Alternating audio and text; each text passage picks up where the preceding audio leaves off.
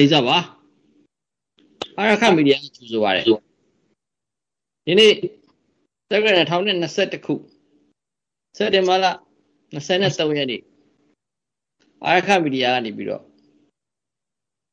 စီစဉ်နဲ့ထုတ်လွှင့်နေတဲ့မြန်မာနိုင်ငံရေးရှင်းတယ်လို့ခေါ်တဲ့ကျွန်တော်တို့မြန်မာအမေရိကန်သတင်းဌာနရဲ့ဌာနမှုဖြစ်တဲ့ဆရာကိုရှယ်လေးနဲ့အာခမီဒီယာတို့ ပူးပေါင်းတင်ဆက်မဲ့မြန်မာနိုင်ငံရေးရှင်းတယ်အမှတ်စဉ်9ဖြစ်ပါတယ်ခင်ဗျဆိုတော့ဒီနေ့မြန်မာနိုင်ငံရေးရှင်းတယ်မှာ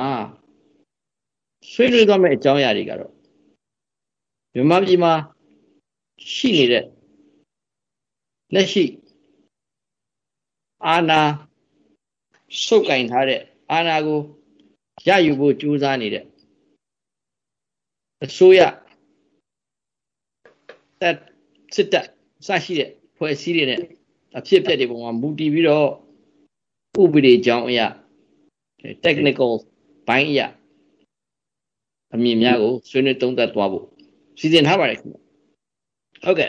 ဆရာကိုရှယ်လေးမင်္ဂလာပါခင်ဗျတာလီစွာပါဟုတ်ကဲ့မင်္ဂလာပါအားလုံးတာလီစွာပါခင်ဗျာ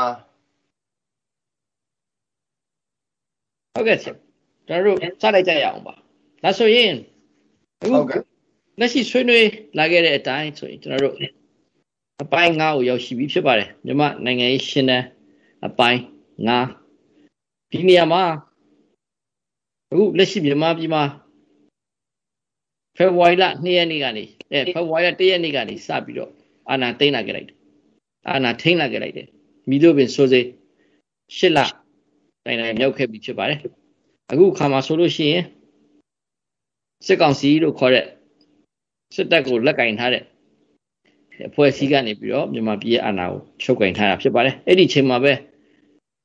NUG လို့ခေါ်တဲ့အစိုးရတစ်ဖွဲ့လည်းပေါ်ပေါက်လာတာဖြစ်ပါတယ်သူတို့ကတော့အာဏာလက်ဝဲမရှိပေမဲ့နိုင်ငံတကာမှာ shadow government အဖြစ်နဲ့လှုပ်ရှားလျက်ရှိပါတယ်အဲတပြိုင်တည်းမှာပဲအမှန်တော့ဒီ NLD အမျိုးသားဒီမိုကရေစီအဖွဲ့ချုပ်တဲ့မြန်မာပြည်ထဲမှာ ရွေးကောက်ရရှိခဲ့ပြီးတော့ဆက်လက်ရှိရှိနေတုန်းဖြစ်ပါတယ်ခင်ဗျဒီအခြေအနေတွေပေါ်မှာမူတည်ပြီးတော့ရှာကိုရှယ်လေးအနေနဲ့ဥပဒေကြောင်းတွေအရာဘလို့တုံသက်သွားကြပါလဲခင်ဗျဟုတ်ကဲ့ကျွန်တော်တို့ပထမဆုံးနိုင်ငံရေးရှင်းတန်းဆိုတဲ့စကားလုံးကိုပဲအရင်အာနားလည်လိုက်ကြရင်ပိုကောင်းပါမယ်နိုင်ငံရေးမှာရှုပ်ထွေးနေတဲ့အတွက်ရှင်းတန်းလောက်ရတာပါ ဒါဆိုရင်ဘာတွေရှုပ်နေတယ်လဲဆိုတာကိုကျွန်တော်တို့ခြေရခံကြည့်ကြရအောင်ကျွန်တော်တို့တိုင်းပြည်ထဲမှာလောလောလတ်လတ်အစိုးရ၃ခုဖြစ်နေနံပါတ်1ကတော့ NLD ဒီ2015မဲနိုင်ပြီးဖွဲ့ထားတဲ့အစိုးရဟာဘယ်အစိုးရကိုမှ၎င်းတို့ရဲ့အာဏာကိုတရားဝင်လွှဲပြောင်းပေးလိုက်တာမရှိပါဘူးဒါတစ်အချက်ပါဟုတ်ပါ နှစ်ချက်က NLD အစိုးရရွေးကောက်ပွဲမှာအငင်းခုန်နေခုနကဒီပြဿနာတွေကို မဖြေရှင်းလို့တက်မတော်လက်ရှိမြန်မာစစ်တပ်ကနေပြီးတော့အာဏာထိန်းလိုက်တယ်ဆိုတော့လေအာဏာသိမ်းတာလည်းမဟုတ်တော့ NLD အစိုးရရှိနေသေးတယ်လို့ကိုကျွန်တော်တို့ဥပဒေစကလုံးနဲ့ကိုပြောလို့ရပါဆိုတော့ ကျွန်တော်တို့ပြောနိုင်တာက ဟုတ်ပြီ NLD အစိုးရလက်ထက်မှာလုပ်ခဲ့တဲ့ရွေးကောက်ပွဲဟာအရင်ခုန်နေရှိတယ်ပြီးတဲ့အခါကျတော့ဒီမဲစင်းကိစ္စတွေမဲမတမာမှုတွေဒါတွေကိုမဖြေရှင်းဘဲနဲ့သူတို့ကလွတ်တော်ခေါ်ဖို့လှုပ်လိုက်တဲ့အခြေအနေမှာတက်မတော်ကနေတော့ဖြေရှင်းပြီးတော့ခေါ်ခင်ဗျားတို့ဖြေရှင်းလို့ပြည်လေသွားရင်လည်းအစိုးရဖွဲ့ဆိုပြီးတော့ ရင်းစာရှင်းလင်းပွဲတွေတေချာလုပ်ပြီးတော့ကိုတောင်းဆိုတာ NLD ကမြည်သည့်အကြောင်းကြောင့်ဒီကိစ္စကိုမဖြေရှင်းဘူးဆိုတာကိုတော့ကျွန်တော်တို့အသေးချာခုနလိုတက်တည်တက်ကာရနဲ့မပြောနိုင်တော့ညာလဲပဲပြဿနာကဘာလဲဆိုတော့မိမိတာဝန်ရှိတာရောတာဝန်ခံတာကိုရောနှစ်ခုလုံးမလုပ်ခဲ့တာကိုကျွန်တော်တွေ့ပါဒါရှုပ်နေတဲ့နိုင်ငံရေးကိုရှင်းတာပါနော်ဒီနေရာမှာ ပုဂ္ဂိုလ်ဇွဲတွေကျွန်တော်ခဏခဏပြောနေတဲ့ဒိဋ္ဌိဇွဲတွေနဲ့နားထောင်ရင်တော့အဲဒါအဲကျွန်တော်ပြောတဲ့ဥစ္စာကိုဘက်လိုက်ပြီးတော့စဉ်းစားနေကြမှာဖြစ်တယ်ကျွန်တော်ပေးခြင်းတဲ့ message က okay NLD ကမဲနိုင်ဖြည့်ရှင်းလဲနိုင်မှာမဖြည့်ရှင်းလဲနိုင်မှာဟုတ်ပါတယ်ဒါဆိုရင်မဖြည့်ရှင်းပဲနဲ့ ဘာကြောက်ပြဿနာအတက်ခံပြီးတိုင်းပြည်ကိုအဲ့ဒီတုန်းကကျွန်တော်ပြောပါတယ်ခင်ဗျားတို့တိုင်းပြည်ကိုဘုံမိကင်နေတယ်ခင်ဗျားတို့မီးလောင်တိုက်တွင်းနေတယ်လှာသိမ်းတဲ့မြင့်နိုင်ခင်ဗျားတို့ဟာဗမာနိုင်ငံမီးလောင်တိုက်တွင်းခဲ့တဲ့အာကုတူများဖြစ်ပါတယ်လို့တော့ကျွန်တော်အဲ့လိုကြင်ညာတယ်ဒါပေမဲ့တကယ်တာဝန်ရှိတဲ့ဖွဲ့စည်းဟိုโอเคလွတ်တော်ခေါ်ဖို့စီပင်ရိပ်တာကိုရောက်သွားတယ်ဆိုလိုချင်တာကတော့ လွတ်တော်ဤပြဝုံပေါ့ဗျာပြဝုံရောက်သွားတယ်ရောက်သွားတဲ့အချိန်မှာမှအာနာသိမ့်လိုက်အာနာသိမ့်လိုက်ပြီးတော့အဲ့ဒီမှာစီပင်ရိပ်တာမှာ၄ရက်ထက်ကြာဒါဒါကျွန်တော်အသေးချာကြည့်နေတာဖေဗရီလ၄ရက်နေ့မှာသူတို့ခေါ်ထုတ်လာတော့သူတို့ကအဲ့ဒီမှာကြမ်းကျိန်လိုက်ကြတယ်သူတို့သူတို့နေတဲ့စီပင်ရိပ်တာရဲ့တဲခုဆောင်မှာပဲလွတ်တော်ဤနဲ့ပတ်သက်သောပရဝုံတွင်ကြမ်းကျိန်ဟုတ်ကဲ့နော် ကလည်းဒီအဆင့်တိကိုလက်ခံတယ်ကျွန်တော်အဲ့လိုတွေ့ခဲ့ပြီးတော့မှသူတို့ကိုအိမ်ပြန်ပို့လိုက်ပြီးတော့အချို့ကိုဖမ်းဆီးတာတွေ့တယ်ချုံနှောင်လိုက်တယ်ယာယီအချို့ကိုတော့ဒီတိုင်းလွတ်ပေးထားတယ်အချို့ကိုလည်းဟိုဒေါက်တာဝင်းမြတ်အေးတို့ဘာလို့ဆိုရင်ခဏချုံနှောင်ပြီးတော့မှပြန်လွတ်ပေးလိုက်တဲ့အချိန်မှာထွက်သွားကြတယ် CRPH ဆိုတော့ဖွဲ့အဲ့ဒီအဆင့်ထိကကျွန်တော်တို့လက်ခံလို့ရ ဟုတ်တယ်နော်ဒါနိုင်ငံရေးကိုကျွန်တော်စဉ်းစားတာဟုတ်ပါ CRH ဖွဲ့တဲ့အဆင့်ထိကိုကျွန်တော်လက်ခံပေးလို့ရဘာလို့လဲဆိုတော့တိုင်းပြည်တစ်ပြည်မှာအစိုးရနှစ်ရပ်ဖြစ်တယ်တစ်ဖက်က NLD တစ်ဖက်ကအာဏာထိန်းလိုက်တော့တမတော်ကဥဆောင်သည့်ဖွဲ့ထားတဲ့ NASA ကပေါ့ဗျာ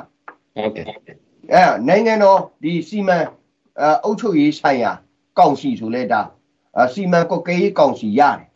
ဒါပေမဲ့သူအာဏာသိမ်းတာမဟုတ်ထိန်းတာပြောထားတဲ့အတွက် NLD အစိုးရရှိ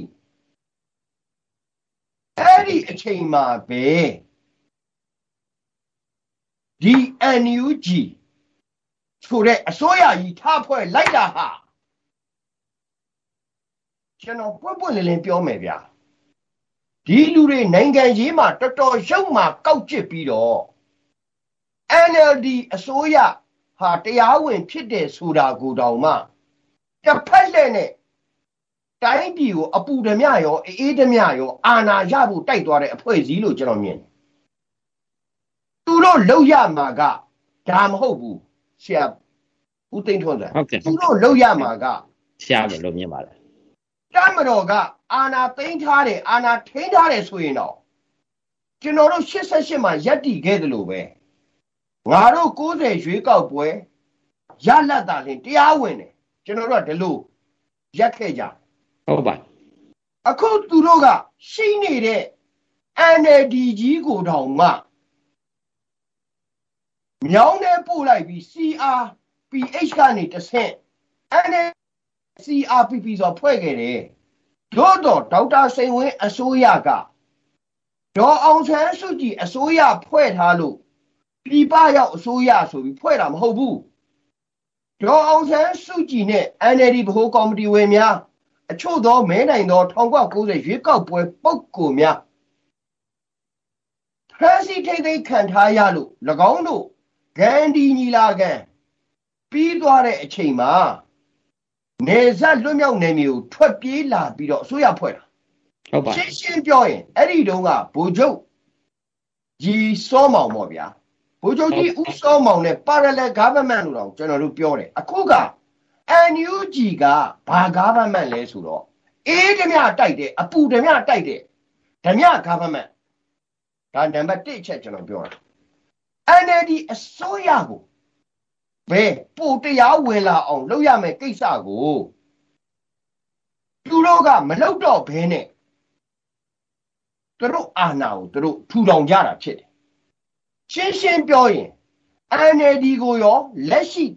အာဏာယူထားတဲ့တပ်မတော်ကောနှစ်ခုစလုံးကို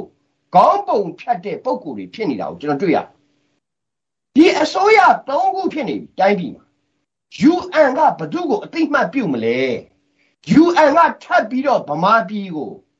လောင်တိုက်တွဲမလားအခုထန်တလန်ကျွန်တော်ကြည့်တယ်ထန်တလန်ပုံနေဖြစ်တာဟုတ်ပါတအဲ့ယ်ရီမင်းနဲ့တစ်ထပ်တည်းဗျာဖြစ်သွားတဲ့ပုံစံနော် ဒီနေရာမှာဦးလက်ရှိလာဆိုင်ကဒီဒေးကျင်ညာဒါပေမဲ့သူ့ကျင်ညာတဲ့ဒီဒေးမှာကောက်တော့ကွန်တက်မပဘူးလိုက်နာရမယ်စီကန်းနေမပဘူးဟုတ်ကဲ့သူ့ရဲ့ဒီဒေးဟာပထမသူတို့သိရမှာကဒီဦးလက်ရှိလာဆိုင်ဟာလေကလိန်ကကြစ်လို့ကျွန်တော်ပြောနိုင်တယ်ကျွန်တော်တို့ကတော့နိုင်ငံရေးမှာအာမနာတန်းပြောမှသူတို့ပြင်မှာကျွန်တော်တို့သိအားနာနေရင်ဒီလူတွေပို့ပြီးတော့အကြမ်းဖက်လာလိမ့်မယ် ဘာဖြစ်လို့လဲဆိုတော့သူတို့ကပြည်သူကာကွယ်ရေးတပ်တဲ့နော်သူတို့ပြောတာဦးလက်ရှိလာဆိုင်တို့ပြောနေတာပြည်သူကာကွယ်ရေးတပ်ဟု PDF တ်ကဲ့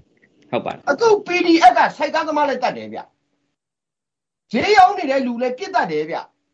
ပြီးတော့သူတို့မကြည်နဲ့တဲ့နိုင်ငံရေးပါတီဝင်တွေကိုလည်းတတ်တယ်ဗျဒါဆိုရင်တော်လိုင်းရေးမဟုတ်တော့ဘူးဗျအကြမ်းဖက်တာမနေ့ကဆိုဘလောက်တောင်အခြေအနေဆိုးတယ်လဲဆိုရင် စကိုင်းတိုင်းမှာတရက်ထင်းနဲ့ဖုံးကြီးလေးပါတတ်လိုက်နော်အဲ့ဒီလိုဝန်းသူမျိုးနယ်ကကြောင်းတိုင်ဆရာတော်ကိုဒလန်လို့ဆွဆွဲပြီးတတ်တယ် NUG မှာအမေရိကန် CIA ကမွေးတယ်အမေရိကန်တက္ကသိုလ်ဒါကျွန်တော်တို့ထုတ်ပြောရင်အများကြီးရှိတယ်မပြောချင်တာလေလူအခွင့်အရေးဝန်ကြီးလုံနေတဲ့ပုံကူကဒီလိုတတ်နေတာကိုဟိုတနေ့က VOA နဲ့ဆွေးနွေးကမ်းမှာ तू မပြောဘူး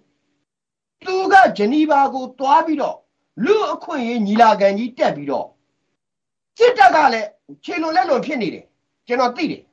ဟုတ်ပါတယ်အဲ့ဒီတစ်ဖက်တည်းကိုပဲ तू တင်ပြမယ်ဆိုတော့ကျွန်တော်ကမေးချင်တာတရားပြည်နယ်ကဆေးရုံကို PDF တွေဝင်တိုက်တာ48မိနစ်ကြာဆေးရုံဆိုတာခုနဦးလက်ရှိလာဆိုင်ပြောတဲ့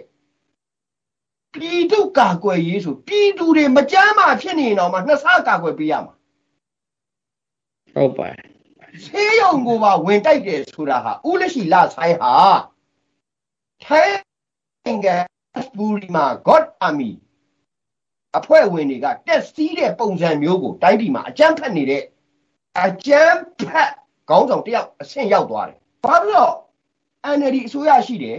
ခေါင်းပုံဖြတ်ချင်လို့သူတို့အစိုးရဖွဲ့တယ်။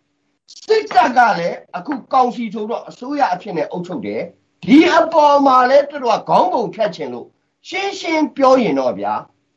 ကိတ်မုတ်နှလုံးကိုဓာတ်ချောင်းနဲ့လှီးစားတဲ့ပုံကိုဟုတ်တော်တော်အငတ်ဘေးဆိုင်နေတဲ့သဘောရှိတယ်။ဒါဆိုရင်ကျွန်တော်ကပြောစရာတွေရှိလားဟုတ်ကဲ့ဆက်ပါတစ်ဖွဲ့ဟာအစိုးရတစ်ဖွဲ့ဟာဘယ်သူ့ကိုကိုစားပြုတယ်လဲဒါဒါကျွန်တော်တို့မေးတော့မှာသူတို့ကတော့ ထိုက်ကားသမားလည်းတတ်တယ်ဗျာအာဈေးအောင်တဲ့လူလည်းတတ်တယ်ဗျာကိုဗစ်ဆေးထိုးနေတဲ့လူလည်းတတ်တယ်ဗျာကိုဗစ်ဆေးထိုးပြီးပြန်လာတဲ့ဆရာဝန်တွေကိုလည်းရင်ထဲမိုင်းဆွဲပြီးတတ်ဖြတ်တယ်ဗျာကဲဒါဒါဒါသူတို့ဘက်ကတော်လှန်ရေးတော့ကျွန်တော်ကစစ်တပ်ကိုတိုက်ဆမ်းပါစစ်တပ်ကိုတိုက်လို့ခမည်းတော်တွေးလို့ရင်ကျွန်တော်တို့ဝိုင်းလူပေးပါမယ်ခမည်းတော်စစ်ဗိုလ်ချုပ်တစ်ယောက်လောက်ကိုလက်ထိတ်ခတ်ပြစမ်းပါကျွန်တော်တို့ကဒါကိုပြောနေတာအ မှန်ကဘေးပဝန်းကျင်ကိုအကုန်ဝလုံးချီတုပ်လိုက်ရမ်းနေတဲ့လူယုံမှာအုပ်စုဖြစ်နေဆိုတော့ဒါဆိုရင် NUG ကဘု து ကိုကိုစားပြုလဲ NLD ကဘသူ့ကိုကိုစားပြုပြီးတော့အခုအာဏာရယူထားတဲ့ဒီဘိုးမင်းအောင်လှိုင်ဥဆောင်တဲ့စစ်တပ်ကြီးကဘယ်ဘာကိုကိုစားပြုတယ်လဲဆိုတာကိုကျွန်တော်တို့နိုင်ငံရေးရှင်းတမ်းမှာရှင်းရှင်းလင်းလင်းကျွန်တော်ရှင်းကြတ ယ်ဟုတ်ပါ NLD ကိုစားပြုတာကတော့2015မဲနိုင်ထားတယ်ဖေဖော်ဝါရီလတရက်နေ့မှာအာလွှတ်တော်ခေါ်မယ်လွှတ်တော်မှာသူတို့လောက်ရရှိတာတွေလုပ်မယ်ကြမ်းကြိမ်မယ်ပြီးရင်ဧပြီလတရက်နေ့မှာနောက်တစ်ကြိမ်အစိုးရတစ်ဖွဲ့ကိုသူတို့ပြန်ဖွဲ့လဲဖွဲ့မယ်ဒါမှမဟုတ်လဲသူတို့မဲနိုင်လာတဲ့သူတွေကိုပဲဖွဲ့ပြီးတော့သူတို့ပထမ9နှစ်တာတက်တန်းကိုအနှင်းမယ်ဆိုတဲ့အတွက်ပြည်သူလူထုရဲ့ဆန္ဒနဲ့ ဖြစ်လာတဲ့အစိုးရဖြစ်တာမို့လို့သူတို့ကလူထုကိုကိုစားပြုတယ်ဆိုတဲ့ status ရှိတယ်ဒါကိုတက်မတော်ထောက်ခံသူတွေကျွန်တော်ကိုဒီ2015ရဲ့ရလဒ်ကနေကျွန်တော်တောက်လျှောက်ပြောတာပြည်သူကိုကိုစားပြုတယ်လို့ကျွန်တော်ပြောရင်ကြိုက်ချင်မှကြိုက်ဒါမှကျွန်တော်အမှန်ပြောတယ်ဟုတ်ပြီစစ်တပ်ကဘာကိုကိုစားပြုတယ်လဲဆိုတော့သူတို့ကအခြေခံဖွဲ့စည်းပုံဥပဒေရဲ့အမျိုးသားနိုင်ငံရေးဥဆောင်မှုအခန်းကဏ္ဍအမှာအမြဲတမ်းရှိရမယ်ဆိုတဲ့ အခြေခံဖွဲ့စည်းပုံရဲ့အခန်းတက်မှာကိုပြဋ္ဌာန်းတာဟုတ်ပါသူကအခြေခံဖွဲ့စည်းပုံကိုလက်ဆုပ်လက်ကင်ပြုပြီးကိုစားပြုဒါဆိုရင် NUG ကဘာကိုကိုစားပြုတယ်လဲကျွန်တော်ကမေးရတော့ NLD လည်းသူ့အာဏာမလွှဲရသေးဘူးနော် NLD ကလည်းလွှတ်တော်ခေါ်ကန်ဒီဟောနိုင်ပိုင်းလို့ပေါ့ဗျာည7နိုင်ဆိုတော့ဆိုတော့ခက်ထားလိုက်တော့နောက်ထပ်9နိုင်ကြာတယ်လူသေးတဲ့အချိန်မှာဟုတ်ကဲ့တို့ခလိုက်ရတဲ့အတွက် သူတို့ဟာရွေးကောက်ခံကိုယ်စားလှယ်ပဲရှိသေးတယ်နော်ဒါပေမဲ့သူတို့ရဲ့ပင်မအစိုးရဟာ NLD ပဲဖြစ်တယ်အဲ့ဒါကိုသူတို့ကအယောင်တောက်အောင်ပို့ပြီးခိုင်မာအောင်တရားဝင်အောင်မလုပ်ပဲနဲ့သူတို့ဒဇင်ထားထောင်ပြီးတော့လှုပ်လိုက်တဲ့ကိစ္စရဲ့အခုဖြစ်လာတဲ့အခြေအနေတွေမှာသူကိုစားပြုတာ၃ခုကျွန်တော်သွားတွေ့တယ်အကြမ်းဖက်မှုကိုကိုစားပြုတယ် NUG อ่ะ ဒါတစ်ချက်နှစ်ချက် NGO များကိုကိုစားပြုတယ်ကဘာက NGO တွေတီရပြီးတဲ့အခါကျတော့ online ကအလှူငွေများကိုကိုစားပြုတယ်အဲ့ဒါ NUG ရဲ့ status ပဲ NLD ရဲ့ status က2015တဲကလူထုကိုကိုစားပြုတယ်စစ်တပ်ရဲ့ status ကနိုင်ငံရေးဥဆောင်မှုအခန်းကဏ္ဍမှာ2008အခြေခံဖွဲ့စည်းပုံကဒီဖွဲ့စည်းပုံနဲ့ပဲတွားနေတာမို့လို့ သူတို့ကဒါကိုစုပ်ကင်ပြီးကိုစားပြုဒါဆိုရင် NUG ရဲ့ကိုစားပြုမှုဟာကျွန်တော်တို့တိုင်းပြည်အတွက်အခုဝန်တူကဆရာတော်လည်းအသက်ခံရတယ်ခလေးတွေကိုစာသင်ပေးနေတဲ့ကိုတော်တွေလည်းအသက်ခံရတယ်ဗျဟုတ်ကဲ့ဒါဆိုရင်ဘုန်းကြီးတွေတက်လာတာပထမဒီဘုန်းတော်ကြီးတစ်ပါးကိုသူတို့လောက်ကြံတက်ဖြတ်တုံးက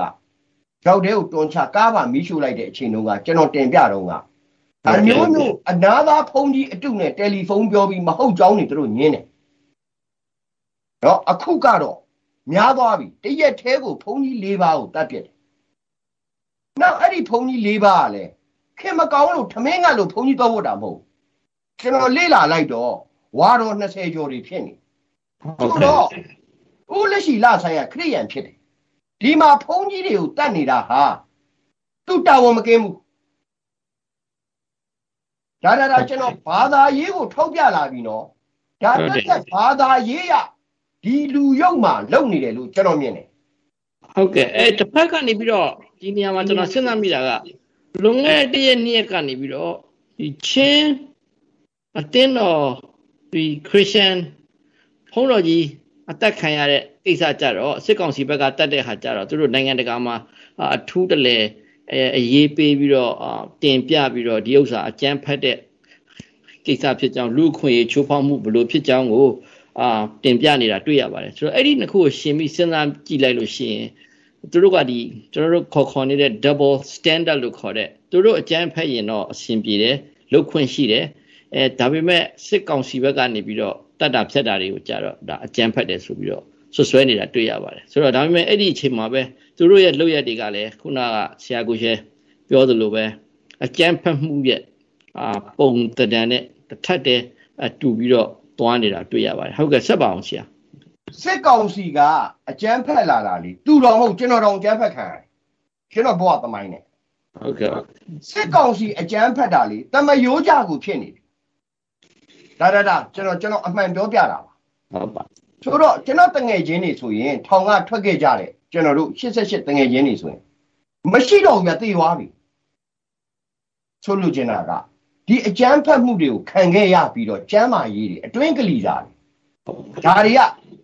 စစ်ကောင်စီအကြမ်းဖက်သလားအကြမ်းမဖက်ဘူးလားမေးကျွန်တော်ကတန်းပြောမယ်ကြမ်းဖက်တယ်ဟုတ်ပါ NUG ကအကြမ်းဖက်သလားအကြမ်းမဖက်ဘူးလားမေးလက်ရှိကို လက်ရှိကိုအယက်သားတွေဘောကိုတီးတန့်ပြစ်မှတ်ကိုထားပြီးမိုးကုတ်မှမတွေ့ဘူးလားလျှက်စစ်ယုံမှာလျှက်စစ်ကွန်ဝန်တန်းကိုတတဲ့လာပြတ်တတ်သွားတယ်ဒါကိုဦးလက်ရှိလာဆိုင်က PDF ပြည်သူ့ကာကွယ်ရေးလို့ပြောတယ်ကျွန်တော်ဦးလက်ရှိလာဆိုင်ဦးဆောင်ကြည်ကပုဂ္ဂိုလ်ကြီးများကိုမေးကြည့်ပါအမေရိကန်နိုင်ငံမှာ လျှက်စစ်နဲ့ပတ်သက်လို့ရေ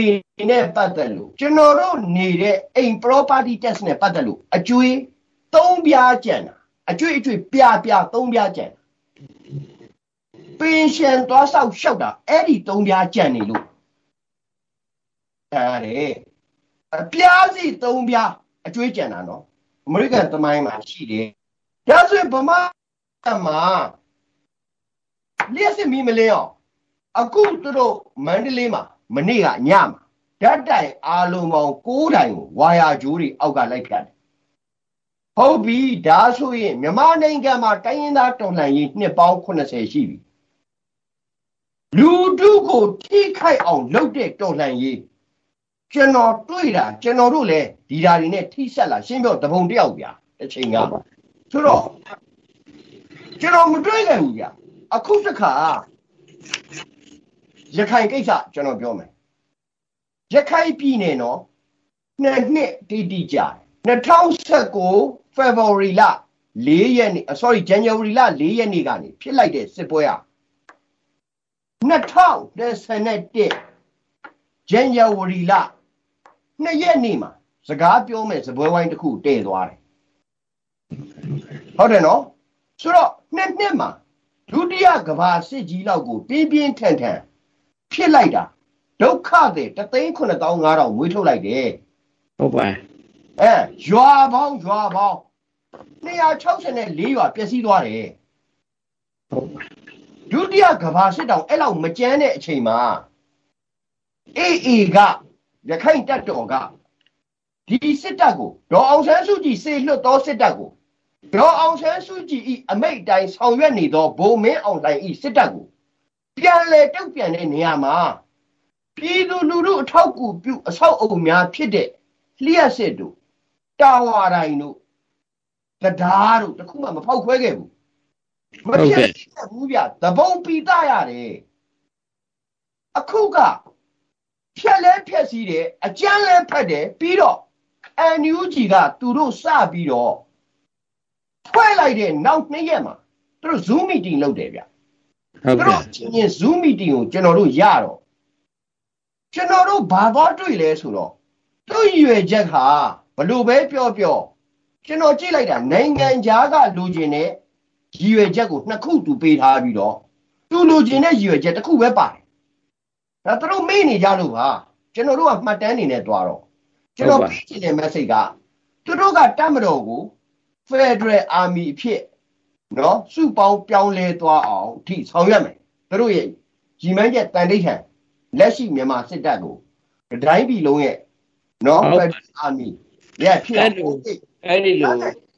စတင်ခဲ့တာကြားမိပါဟုတ်ပါအဲသူကအဲ့ဒီလိုပြောပြီးတော့ဒုတိယအချက်ကဘာလဲဆိုတော့ ICJ မှာတဲ့သူတို့ဖြည့်ရှင်းခွင့်ရဖို့အတွက်သူတို့စူးစမ်းအားထုတ်ပြီးတော့ဒုတိယဒုတိယ နိုင်ငံသားဘက်ကိုပေးလိုက်ပြီ။ Okay ဒေါအောင်ဆန်းစုကြည်ပဲသွားကာခဲ့တဲ့ဥစ္စာကိုသူတို့တော့ဝန်ခံမယ်။သူတို့သွားပြီးတော့ပြောင်းမြင်အဲအဲဟိုနိုဘယ်ငြိမ်းချမ်းရေးဆုရှင်လည်းနေတိုင်းနဲ့အလိန်နေအမှပြဿနာတက်ပြီ။သူလည်းလူလိမ်မကြီးဖြစ်ပြီပေါ့ဗျာခက်ရင်ရင်ပြောရရင်။မှန်ပါတယ်။မပြောတင်တဲ့စကားပါ။ဒါပေမဲ့သူတို့တော့ဝန်ခံမယ်။ဝန်ခံပြီးတော့သူတို့က ICC ကိုအမြန်တက်သူတို့ရဲ့ဒုတိယ ambition ကနိုင်ငံသားအတွက်ပေးတာ။ တ်ကဲ့တတိယ ambition ကဘိုးမင်းအောင်လှိုင်ကို အမြန်ဆုံး ICC ကနေဖန်ဝရန်ထုတ်နိုင်အောင်လုပ်မယ်သူတို့ ambition ဒီ၃ခုပဲရှိတယ်ကျွန်တော်တွေ့ရဟုတ်ကဲ့ပြည်သူလူထုလုံခြုံရေးတို့ကျမ်းမာရေးတို့အသက်အိုးအိမ်စည်းစိမ်ကောက်တခုမှမပါဘူးသူတို့စားဖွဲ့တဲ့အချိန်မှာဒါဒါဒါကျွန်တော်တောက်လျှောက်စောက်ကြည့်လာတာဒါကြောင့်လူတုကိုကိုစားမပြုတ်ပဲနဲ့နံပါတ်1သခိုးဓမြအကျန်းဖတ်မှုတွေကိုကိုစားပြုတယ် မကိုးမှာဗန်မှာဓမြတိုက်တယ်ပြန်စစ်လိုက်တော့ CDN ဝင်တယ်ပြန်ထွက်ထားတဲ့ကောင်မလက်ထောက်ချပြီမျိုးသမီးอ่ะနော်ဗန်ဝင်တဲ့ဟောင်းကအကုန်လုံးစောက်ကြည့်ပြီးတော့ PDF တချို့နဲ့ပေါင်းပြီးတိုက်တယ်နော်ဒါကိုဥလက်ရှိလာဆိုင်တို့ကတော်လန်ရေးလို့ခေါ်တယ်ကျွန်တော်ပြောပြမယ်ဗျဘိုးရင်းမှာဖြစ်တယ်ကျွန်တော်တို့ရခိုင်မှာစစ်ပွဲဖြစ်တယ် နော်မြောက်ဦးကဘန်တစ်ခုကိုလာတိုက်သွားပါတယ်ဆိုပြီးတော့လောက်ကြံဇလန်းကြီးထွက်လို့ကျွန်တော်တို့တော့ရှင်းပြခဲ့ရသည်ဟုတ်ပါဟုတ်တယ်နော်မလောက်ခဲ့ဘူးဗျသိတ်ခါရှိတဲ့တပုံလှုပ်ဆန်းပါသိတ်ခါရှိတဲ့တော်လှန်ရေးသမားလှုပ်ဆန်းပါအခုက NLD ရဲ့အရှိန်ဝါကိုပြက်ပြက်အောင်လုပ်ပြီးတော့အာဏာကိုလည်းလူယူခေါ်ယူတဲ့တခိုးတွေကအကြမ်းဖက်နေတာမို့လို့အကြမ်းဖက်အဖွဲ့အစည်းကိုသူတို့ကိုစားပြုတယ် နိုင်ငံတကာ NGO ကိုသူတို့ကိုစားပြုတယ်ပြည်လူလူမပါဘူးနော်ကျွန်တော်ပြောတာသူတို့လူကြားကောင်းပြောနေတာပြီးတော့ online ပေါ်ကအလှငွေကိုကိုစားပြုတယ်ဒါပဲသူတို့ဒါ NUG ရဲ့ status ပဲဒါကျွန်တော်ရဲ့နိုင်ငံရေးရှင်းတမ်းပါဟုတ်ပါတယ်ဆရာဟုတ်ကဲ့ဒါဆိုရင်ဆရာအခုဒီလွတ်တော်2015မှာရှိခဲ့တဲ့လွတ်တော်ကတော့ မိတုပေမဆိုတက်တန်းကတော့အချိန်ကာလကျော်သွားတဲ့အတွက်ကုံသွားတဲ့သဘောဖြစ်သွားတယ်မလားဆရာဆိုတော့အဲ့ဒီလက်ရှိ NLD အစိုးရကနေပြီးတော့ဘယ်လိုအနေထားကိုရောက်သွားပါလဲသူတို့အလိုလျောက်ပြက်ပြက်သွားတဲ့သဘောရှိလားဆရာတို့အနေနဲ့ဘယ်လိုသုံးသပ်ပါလဲတရား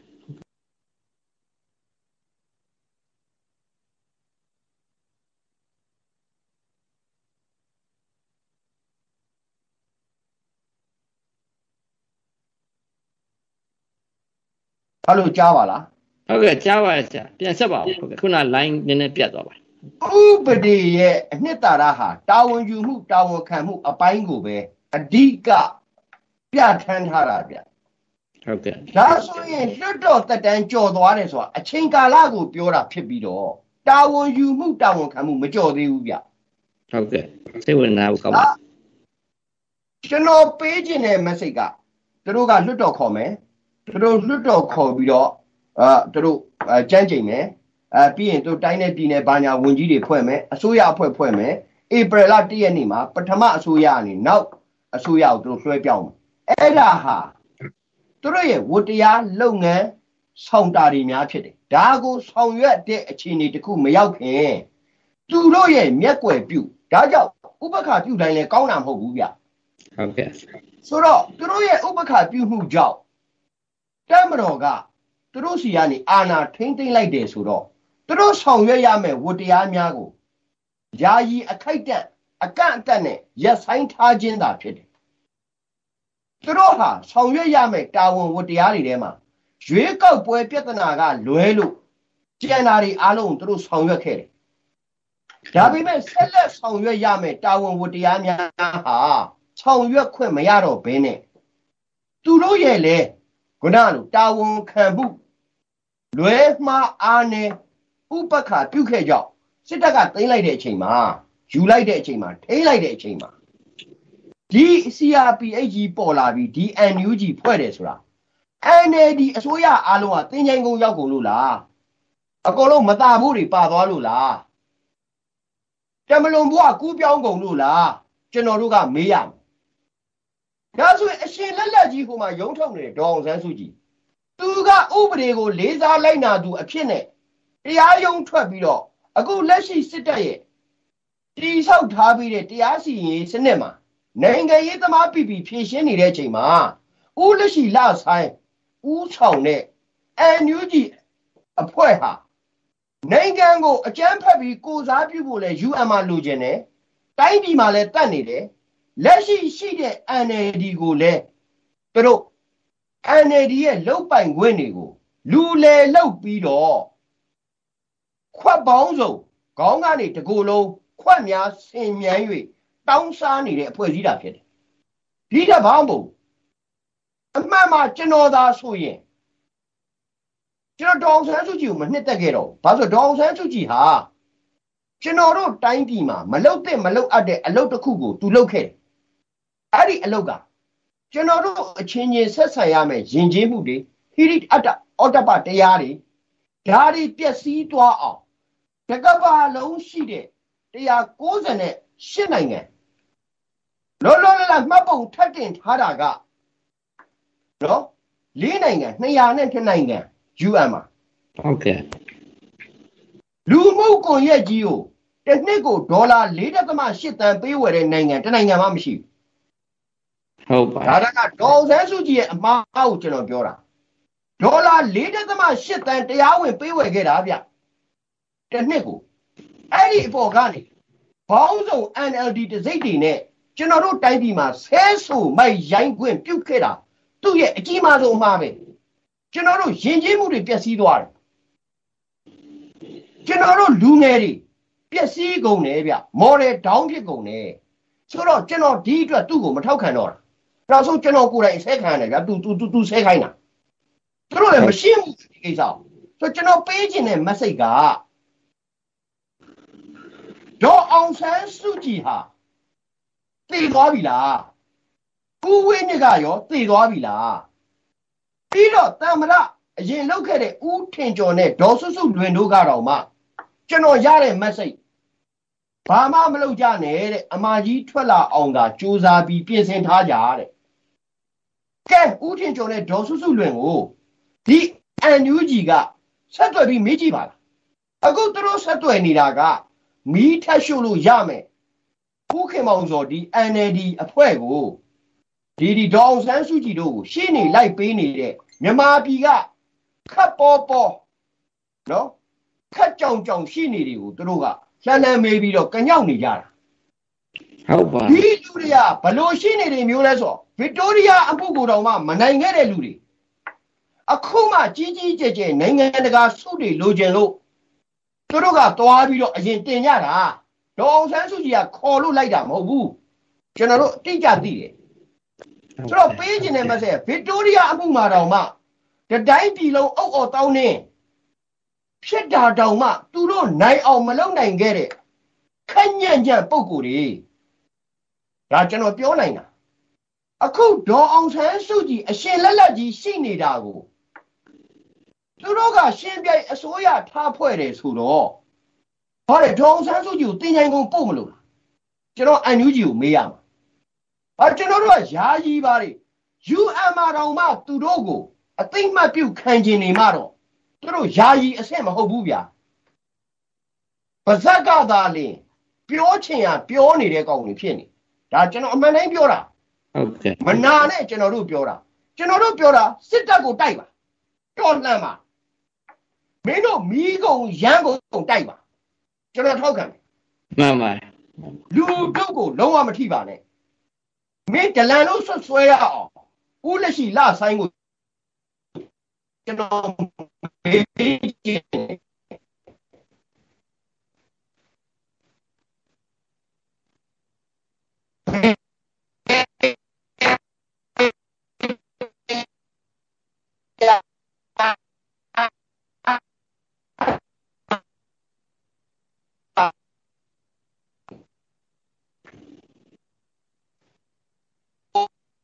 ဟုတ်ကဲ့ဆရာဘက်ကအတန်ပြတ်တောင်းပြတ်တောင်းဖြစ်နေပါတယ်ခဏစောင့်ပြီးတော့အာပြန်ပြောပြပါအောင်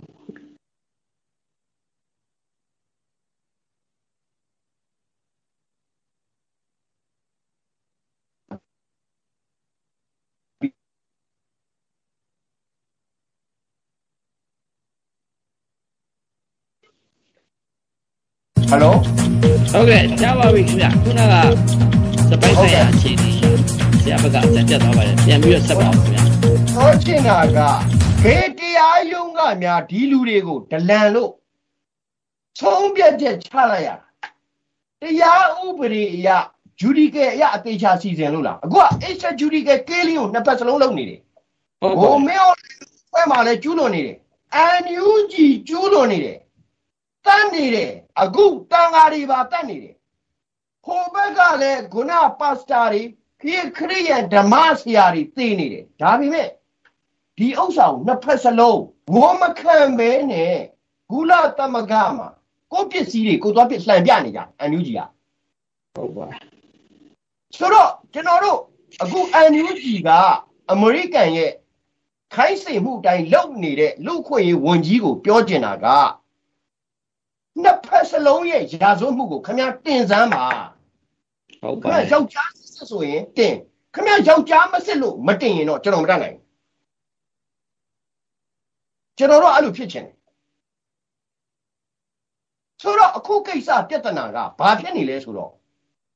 ဟာကိုယ့်ဘက်ကပဲကိုကအမှန်လုပ်ပြီးကြံတဲ့လူပတ်တိုင်တယ်တစ်ဖက်ကလည်းညင်းတယ်ဟာအဲ့ဒီမှာလူထုကအသက်ခံနေရတယ်ဟုတ်ပါတယ်ခလူတို့အနေနဲ့နှစ်ဖက်လုံးစီမှာအသက်ခံနေရတာတော့ဖြစ်နေပါတယ်အခုကဟုတ်ကဲ့တပ်ပုံတန်နီးကလည်းအတူတူပဲဖြစ်နေပါတယ် ခုနဆရာပြောသလို extra judicial killing လို့ခေါ်တဲ့တရားဥပဒေရဲ့အပြင်ဘက်ကတက်ဖြတ်မှုပေါ့လေအဲ့ဒီဟာက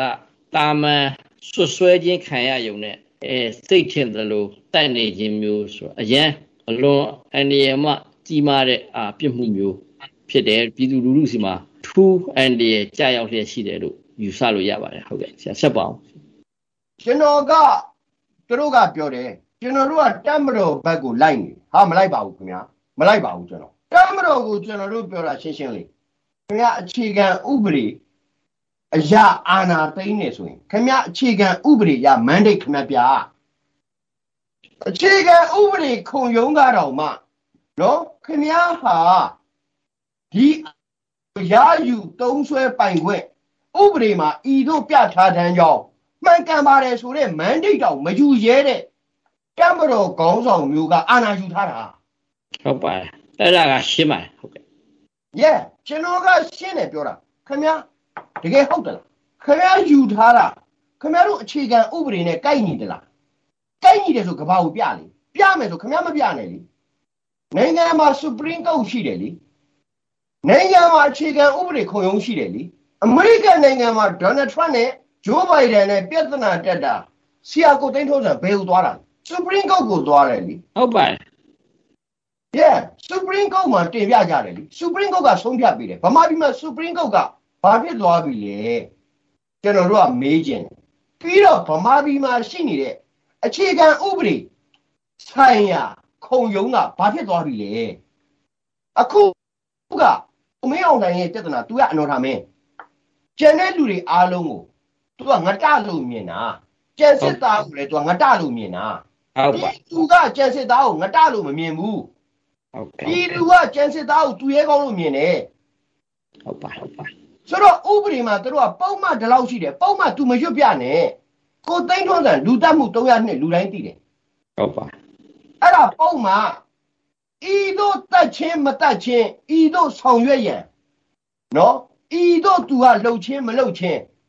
သူ့မှာလဲကာကွယ်ပိုင်ခွင့်ရှိကြောင်းတတ်ခဲ့သလားဒါမှမဟုတ်လဲဒီတိုင်းတတ်သလားဒါဒီအားလုံးကို အဲ့ဒီကိစ္စကိုကပဲစီရင်ဆုံးဖြတ်ပေးပြီးတော့မှဒီဥပဒေပုံမှန်ကအသက်ဝင်ရတာလေသူကဘာကြောင့်ဗဇက်နဲ့အသက်ဝင်နေတာလဲတော့သူ့လည်းကျွန်တော်မထောက်ခံဘူးအဲ့တော့သူ့အခြေခံဥပဒေကိုတောင်မှသူရဲရဲဝင့်ဝင့်ကဘာကြီးကိုရင်ဖွင့်ပြပြီးရင်ကော့ပြပြီးသူမပြေရှင်းရတဲ့လူလေဟုတ်ပါတယ် ဒါတစ်ချက်ကျွန်တော်မထောက်ခံတဲ့ချက်နောက်တစ်ခါ PDF တွေမိတယ်ခင်ဗျဘန်တနာတိုက်တာသိန်းပေါင်း4000ဗျာ4ဘီလီယံကျော်ကြီးကိုတိုက်တယ်သူ့ဘာသာသူအဲ့ဒီလူတွေကိုကင်မရာနဲ့ရိုက်တယ်ကျွန်တော်ပြောသလိုပေါ့မှုံမှုံဝါးဝါးတွေပေါ့ဗျာဟိုတုန်းကအန်နာလော့မှန်ဘလူးတွေနဲ့ရိုက်တယ်အန်နာလော့တိတ်တွေနဲ့ရိုက်ပြီးတော့ तू ကအဲ့ဒီလူတွေကိုထွက်ခိုင်းတယ်ကျွန်တော်ပြောတော့တကယ်တိုက်တာတိုက်ရင်တန်တမန်တွေခေါ်ပြလိုက်လေဟုတ်ပါတယ် အဲ့ဒါလည်းမခေါ်ပြရဲဘူးဆိုတော့သူပါလေသူ့ကိုကျွန်တော်တို့ကသိခါရှိတဲ့ခေါင်းဆောင်တယောက်ဖြစ်လက်ခံဖို့အရေးချင်းမပြည့်မီသေးပါဘူးလို့ပဲကျွန်တော်ပြောနိုင်တယ်ဟုတ်ပါဟုတ်ကဲ့ဆိုတော့ဒီနေရာမှာဆရာအခြေအနေကတော့သုံးပွင့်ဆိုင်သွားဖြစ်နေပြီးတော့အားလုံးအခက်အခဲကြုံနေရတဲ့မြန်မာပြည်သူတွေပဲဇ က်တိုက်နှစ်ဖက်လုံးစီမှာအသက်ခံနှစ်ဖက်လုံးစီမှာအနှိမ့်ဆက်ခံအခြေအနေကိုရောက်နေတာပေါ့နော်ဆရာဟုတ်ကဲ့ဆိုရင်ဒီအနေအထားတစ်ခုမှာဆရာအနေနဲ့ဘလို့ထွက်ပေါက်မျိုးကျွန်တော်တို့မြန်မာပြည်မှာရှိနေတယ်ရှိနိုင်တယ်ဆရာဘလို့သုံးသပ်တယ်ခင်ဗျကျွန်တော်နိုင်ငံရေးကိုရိုးရိုးသားသားပဲကျွန်တော်စဉ်းစားတယ် NLD အစိုးရခုနကျွန်တော်ပြောသလိုရှိနေကြောင်းကျွန်တော်က NLD ပါတီလည်းရှိနေကြောင်း ကျွန်တော်ကနားလည်တာမို့လို့အဲ့ဒီပါတီနဲ့အဲ့ဒီအစိုးရရှိနေတာမို့လို့ဥပဒေကြောင်းရ၎င်းတို့တရားဝင်နေသေးပဲကိုကျွန်တော်ကအဖြေရှာစေခြင်းတယ်လက်ရှိ NLD နဲ့အခုလက်ရှိ NASA ကသူတို့ပြောနေတဲ့စစ်ကောင်စီပဲပြောပြောဘာပဲပြောပြောနိုင်ငံတော်စီမံကွက်ကဲရေးပဲပြောပြောအိမ်ဆောက်အစိုးရပဲပြောပြောခြင်းဟာပြောဟုတ်ပါပထမဆုံးဆွေးနွေးရမှာသူတို့ထိတ်တိုက်ဖြေရှင်းရမှာသူတို့အခုဖြစ်နေတာက ရွေးကောက်ပွဲကိစ္စကို NLD ကတာဝန်ယူတာဝန်ခံပြီးတော့ NLD အစိုးရကမဖြေရှင်းလို့စစ်တပ်ကအာဏာထိန်းသိမ်းလိုက်ပါတယ်ဆိုတဲ့စစ်တပ်ကရွေးကောက်ပွဲမှာတာဝန်ရှိတဲ့ဦးလှသိန်းနဲ့ဦးမြင့်နိုင်ကိုဘယ်မှာတရားစီရင်မှန်းကိုကျွန်တော်တို့မကြားမိဘူးဟုတ်ပါဒါဆိုရင်ဘိုးချုပ်မှုကြီးမင်းအောင်နိုင်လို့လည်းမရိုးသားဘူးလို့ကျွန်တော်ပြောနိုင်တယ်ဟုတ်ပါဟုတ်လေဟုတ်လေကျွန်တော်ပြောတာ तू က 2008အခြေခံဥပဒေကအာဏာသိမ်းထားတယ်ဆိုရင်ဒီဥပဒေမှာတရားစီရင်ရမှာတွေဖြည့်ရှင်းရမှာတွေကိုထုတ်ပြလေဟုတ်ပါအခု तू ကမထုတ်ပြတော့ဘဲနဲ့ကော်မရှင်အစ်စ်ပါထပ်ဖွဲ့လိုက်ပြီးတော့မတူပီယာစနစ်ပါသွားအောင်မယ်တဲ့ဟုတ်ကဲ့ဆိုတော့သိချင်တိုင်းပြောတာကျွန်တော်ပြောချင်တာနည်းနည်းများတယ်ဗျအဲ့ဒါကဘယ်မှာလဲအဲ့ဒီခုနကျွန်တော်ပြောတဲ့နာလဘိန်းတုံးဥလာသိန်းနဲ့ ခုနဥမြင့်နိုင်ဗမာလဲကျွန်တော်တို့ကဒီလူနှစ်ယောက်ကိုတရားစီရင်တာကြည့်ကျင်တယ်ဒီလူနှစ်ယောက်ရဲ့ညင်းဆိုချက်ကိုလည်းကြားကျင်တယ်မှန်ပါဒါဓမ္မအတိုင်းပြည်ကတရားမျှတမှာပေါ့အခုကအဲ့ဒီလူနှစ်ယောက်ကဖြစ်ခဲ့တဲ့မြမနိုင်ငံရေးဇလန်းကြီးတွေကပျောက်သွားပြီးတော့ဟာ तू ကလည်းခဏနေဟာဟိုရွေးကောက်ပွဲပြန်လုပ်ပေးမယ်အဲပြီးတဲ့အခါကျတော့ तू ကဟိုရင်းဖြစ်ပေးမယ်အပီယာစနစ်ပါလုပ်ပေးအောင်မယ်ဆိုတော့နည်းနည်းများတယ်ကိုသိန်းထောစံဟုတ်ပါ သူကသူတရားတွေကိုရှင်းရှင်းပြောရင်ခုံကြော်ခွပြီးတော့သူလိုချင်တဲ့စီးကို तू ကရောက်အောင်ခုံပြီးတွားနေတဲ့ तू လည်းပဲကျွန်တော်ကြည့်ရတာ jumping general ဖြစ်နေခုံစွာခုံစွာဘူချုပ်ဖြစ်နေဟုတ်ပါဆိုတော့ကျွန်တော်ပေးချင်တာ NUG ကတော့အခိုးဓမြနဲ့နိုင်ငံတကာ NGO နဲ့ online ပေါ်ကအလှူငွေကိုသာကိုစားပြုတယ်။ ဒါကြောင့်သူတို့ဖြည့်ရှင်းရမယ့်ပြဿနာကအဓိကက NLD ကနေအာဏာထိန်းခဲ့တယ်မှတ်လား NLD အစိုးရနဲ့ပဲရှင်းပေါ့ဒီအစိုးရကိုတရားဝင်ကြောင်းပဲ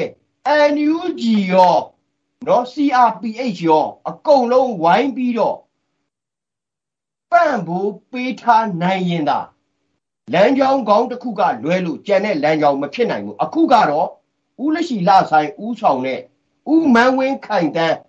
ဦးဆောင်တဲ့အန်ယူဂျီအစိုးရသည်ဘုံမင်းအောင်လိုင်စီကအာနာရော NLD ရဲ့အာနာနဲ့ဂုံတိတ်ခါရောကိုပါလူတဲ့အစိုးရဖြစ်တယ်ဒါကြောင့်ဂုလသမဂ္ဂကဒီလိုပေါ်တော်တော်ပေါ်ချာချာတွေကိုအသိမှတ်ပြုလိုက်ရင်ကျွန်တော်ထင်ပါတယ်ကျွန်တော်ထင်ပါတယ်ဟု တ်ကဲ့တိုင်းပြည်မှာဥယာလူတက်တန်းဖြစ်ကုန်ဒါကြောင့်ဂုလသမဂ္ဂဟာရီမင်မှာသူကျူးလွန်ခဲ့ပြီးပြီကမ်ဘောဒီးယားသူကျူးလွန်ခဲ့ပြီးပြီဟုတ်ပါနော်လစ်ပြားသူမရှင်းနိုင်သေးဘူးအခုတခါစီးရီးယားသူသူသူသူလက်ချက်တွေပါတယ်ဗမာကိုသူဒီလိုလောက်အောင်မလားဒီအမှားကိုဂူတာရတ်တို့ဘယ်လောက်ဆက်ကျူးလွန်မလဲလူအခွင့်ရေးပြောရင်နှစ်ဖက်စလုံးရဲ့ မလိုက်နာမှုကိုပြောသမ်းပါဗျာကျွန်တော်တို့ဒါမျိုးကြားခြင်းမှန်ပါကျွန်တော်တို့ပြည်သူတွေဟာဘာအခွင့်ရေးမှမသိဘဲနဲ့ခံနေရတာကိုကပကျင့်မြင်အောင်နှစ်ဖက်စလုံးမပြဘဲနဲ့အဲ့ဒီပြည်သူတွေကိုအနိုင်ကျင့်နေစစ်တပ်ရဲ့အားနည်းချက်ကကျွန်တော်တို့နိုင်ငံတကာ theory မှာရှိတယ်ဒီ national security national security procedure မှာ process မှာ 6လ6လအတွင်းထဲမှာနိုင်ငံတစ်ခုကိုမထိန်းနိုင်ရင်နောက်ပိုင်းထိန်းနိုင်မှုတန်ခင်းတမန်ခင်းပြီးတဲ့အခါကျတော့ပြည်တွင်းကအင်စားချက်နဲ့လူတုလက်ခံနိုင်မှုကိုရဖို့ဝေးလေစွာပါခင်ဗျာဟုတ်ပါတယ်ပြီးတော့6လအတွင်းထဲမှာလုံခြုံရေးမရှိတဲ့တိုင်းပြည်ဟာတဲ့ အဲ့ဒီတိုင်းပြည်ထဲမှာရှိတဲ့ရန်တရားတွေအမိတ်မပေးဘဲနဲ့အလိုလိုစီးပွားရေးရန်တရားပညာရေးရန်တရားကျန်းမာရေးရန်တရားတွေအလိုလိုရက်သွားပါတယ်တဲ့ဟုတ်ကဲ့အခုလည်းအဲ့ဒီရက်အနေထားတွေကိုမြဝတီတင်တွေ့နေရပါတယ်ဟုတ်ကဲ့ဆိုတော့အခုကျွန်တော်ပေးခြင်းတဲ့ message ကခုနကိုတိန်ထုံးစံပေးတဲ့ဥစ္စာလေးနဲ့ပဲကျွန်တော်တို့အဆုံးသတ်လိုက်မယ်ဟုတ်ကဲ့ဖြစ်တဲ့ကတော့ NUG ကျွန်တော်မသိဘူး ကျွန်တော်သိတာ NLD ကိုသိတယ်ဒေါအောင်ဆန်းစုကြည်အမားရှိတယ်တာဝန်ယူမှုတာဝန်ခံမှုပြမယ်ခေါင်းဆောင်တယောက်ဒါကိုသူဖြည့်ရှင်းရမယ်ဘုံမင်းအောင်လှိုင်တို့ကလည်း2008ရအာဏာယူထားတယ်ဆိုရင်ထိန်းထားတယ်ဆိုရင်စကားပြောရတော့မယ်ပြီးတော့ဘယ်မှာလဲဥလှသိမ့်နဲ့ဥမြင့်နိုင်ဟုတ်ကဲ့ဒီရွေးကောက်ပွဲမှာတာဝန်ရှိဆုံးနှစ်ယောက်ဘယ်မှာလဲဒီနှစ်ယောက်ကိုလည်းတရားစီရင်မှုမပြဘူးပြီးတော့စာကျွန်တော်တရားရုံးစာကျွန်တရားရုံးချုပ် စာကျွန်တော်တင်ထားလိုက်လည်းမပြဘူးဆိုတော့ဟောငါစစ်တပ်ပဲ2008ငါអော်လိုက်ရင်ပြီးပြီမလုံနဲ့လေဗျာဟုတ်ကဲ့ဒီကတော့ဘယ်လောက်ရည်ဖို့ကောင်းလဲဆိုတော့စဉ်းစားကြည့်ပါဦးဗျာနိုဘယ်ငင်းငယ်ရေးဆုရှင်တယောက်နိုင်ငံတော်အတိုင်ပင်ခံနိုင်ငံသားရေးဝန်ကြီးကိုအမေရိကန်ဟိုတင်ဗာလဲကျွန်တော်တို့လမ်းဘေးဈေးမှာ6ဒေါ်လာနဲ့ရောင်းတဲ့ဝါကီတော်ကီနဲ့တရားစွဲတယ်ဟုတ်ကဲ့။အော်ဟုတ်နာပြည့်တောင်းဆိုတာ သူတို့ politics ကသွားပြီးဂွမ်းနေပြီဟုတ်ပါတယ်အဲ့ဒါတော့။တောင်ကိုရီးယားတမ္မရအမျိုးသမီးကိုတရားစွဲလိုက်တာ။ဘာနဲ့စွဲတာ။ရှင်းရှင်းလေးနော်။ဆိုတော့အဲ့ဒီအမျိုးသမီးကိုတရားစွဲတာတကဘာလုံးအီးအောင်မပေါက်နိုင်ဘူးဟုတ်ပါတယ်ထောက်မှချသွားပါတယ်ဟုတ်ကဲ့။ထောင်မှာချလိုက်တယ်လေအနှစ်20။ဟဲ့အခုကလမ်းဘေးကဝါကီတော်ကီနဲ့အမေရိကန်မှာ6ဒေါ်လာနဲ့ ဘိုးမင်းအောင်လိုင်းလိုချင်အလုံးတစ်တိုင်းလောက်ကျွန်တော်ပို့ပေးမယ်ဟုတ်ပါတယ်ဟုတ်ပါ။တဲ့ပြီးတော့သွေးကုန်ထုတ်ကုန်ဥပဒေနဲ့တရားစွဲတယ်တဲ့မရှက်ဘူးဒီကောင်တွေဥပဒေလည်းမတတ်ဘူးပဲကျွန်တော်လည်းစိတ်ညစ်နေဟုတ်ပါတယ်။ဗမာပြည်က WTO 1996တဲ့ဝင်ခဲ့တာ WTO ဝင်ခဲ့တဲ့နိုင်ငံမှာသွေးကုန်ထုတ်ကုန်ဥပဒေဟာထင်သလောက်မတင်းမာတော့ဘူးဆိုတာကိုဒီကောင်တွေကိုယ်တိုင်မသိဘူးဟုတ်ပါတယ်။အဲတခုတော့ရှိတယ်နိုင်ငံတော်လုံခြုံရေးရ စစ်လက်နက်ဆိုင်ရာပစ္စည်းနဲ့ဓာတုပေတနဲ့အစိတ်တောက်တွေပဲအဓိကဖြစ်သွားတယ်ဆိုတော့ဒီကောင်တွေမသိဘူး။ဟုတ်ပါတယ်အခုက WTO အဖွဲ့ဝင်လည်းဖြစ်တယ်အာဆီယံကုန်သွယ်ရေးလည်းရှိတယ်အဲ့ဒါကိုတွင်းကုန်ထုတ်ကုန်ဥပဒေတဲ့စွဲတဲ့အမှုကနိုဘယ်ငြိမ်းချမ်းရေးဆုရှင်နိုင်ငံသားရေးဝန်ကြီးကိုဥနေဝဲဥပိုနီကိုစံတရားတစ်လုံးနဲ့ထောင်ချတဲ့ပုံစံမျိုးစဉ်းစားတယ်။အော်စစ်တပ်ကရှေ့ရလူလျှောက်သွားတဲ့ခြေထောက်ကိုမလွဲအောင်လိုက်နေတယ်ဗျာ ဟုတ်ကဲ့။ဒါအဲ့ဒါကြီးအမှန်ကြီးလည်းမဟုတ်ဘူးမှားနေတယ်တလွဲကွက်ဟုတ်ပါတယ်ဟုတ်ပါ။ဆိုတော့ဟိုမှာခိုးရတယ်လေ။မမမောင်စိုးခိုးတယ်ကျွန်တော်တို့ပြောတယ်။ဘန်ဖီယူနဲ့ပေါင်းနဲ့မာဖီးယားလာရင်းချနာအကြီးအကျယ်လုပ်ပါတယ်။ကျွန်တော်တို့ပြောတယ်။ရှမ်းလေးကျွန်းကိစ္စကျွန်တော်တို့ပြောပါတယ်။နောက်လဲဆယ်ဝန်ကြီးစိုးတန်းခိုးပါတယ်ကျွန်တော်တို့ပြောတယ်။ဟာအဲ့ဒီတခိုးမှုတွေကြတော့ အကုန်လုံးတခါတည်းဘာတမ်းမှမကြောက်ဘူးဆိုတော့ကျွန်တော်ထင်တယ်ဗျာတခိုးချင်းချင်းပတ်ရှောင်ပြီးဂွင်ရိုက်နေတဲ့အခြေအနေပါပဲလို့ပြောရင်းနဲ့ဏီကုန်းချုပ်ကျင်တယ်ဟုတ်ကဲ့ပါဆရာကျေးဇူးအများကြီးတင်ရှိပါတယ်ကျွန်တော်မြန်မာအမေရိကန်ဌာနရဲ့သတင်းဌာနမှူးဒါကိုရှယ်လီဖြစ်ပါတယ်ကျွန်တော်တို့အာရခမီဒီယာနဲ့ပူးပေါင်းပြီးတော့မြန်မာနိုင်ငံရေးရှင်းတန်းတင်ဆက်ခဲ့တာဖြစ်ပါတယ်ခင်ဗျအခုကတော့ရှင်းတန်းနံပါတ်5ဖြစ်ပါတယ်အာနောက်ကျွန်တော်တို့ဆက်လက်ပြီးတော့ မြန်မာနိုင်ငံရေးရှင်းတန်းအမှတ်6ခုနှစ်အစရှိသည်တို့ကိုအလင်းတင်သလိုဆက်လက်တင်ဆက်သွားမှာဖြစ်ပါတယ်အားလုံးတာလီစောပါခင်ဗျာပြည်သက်များအားလုံးကိုကျေးဇူးအထူးတင်ရှိပါတယ်ဟုတ်ကဲ့အားလုံးကျေးဇူးပါအပိုင်း6လဲလာပါဦးမယ်ခင်ဗျ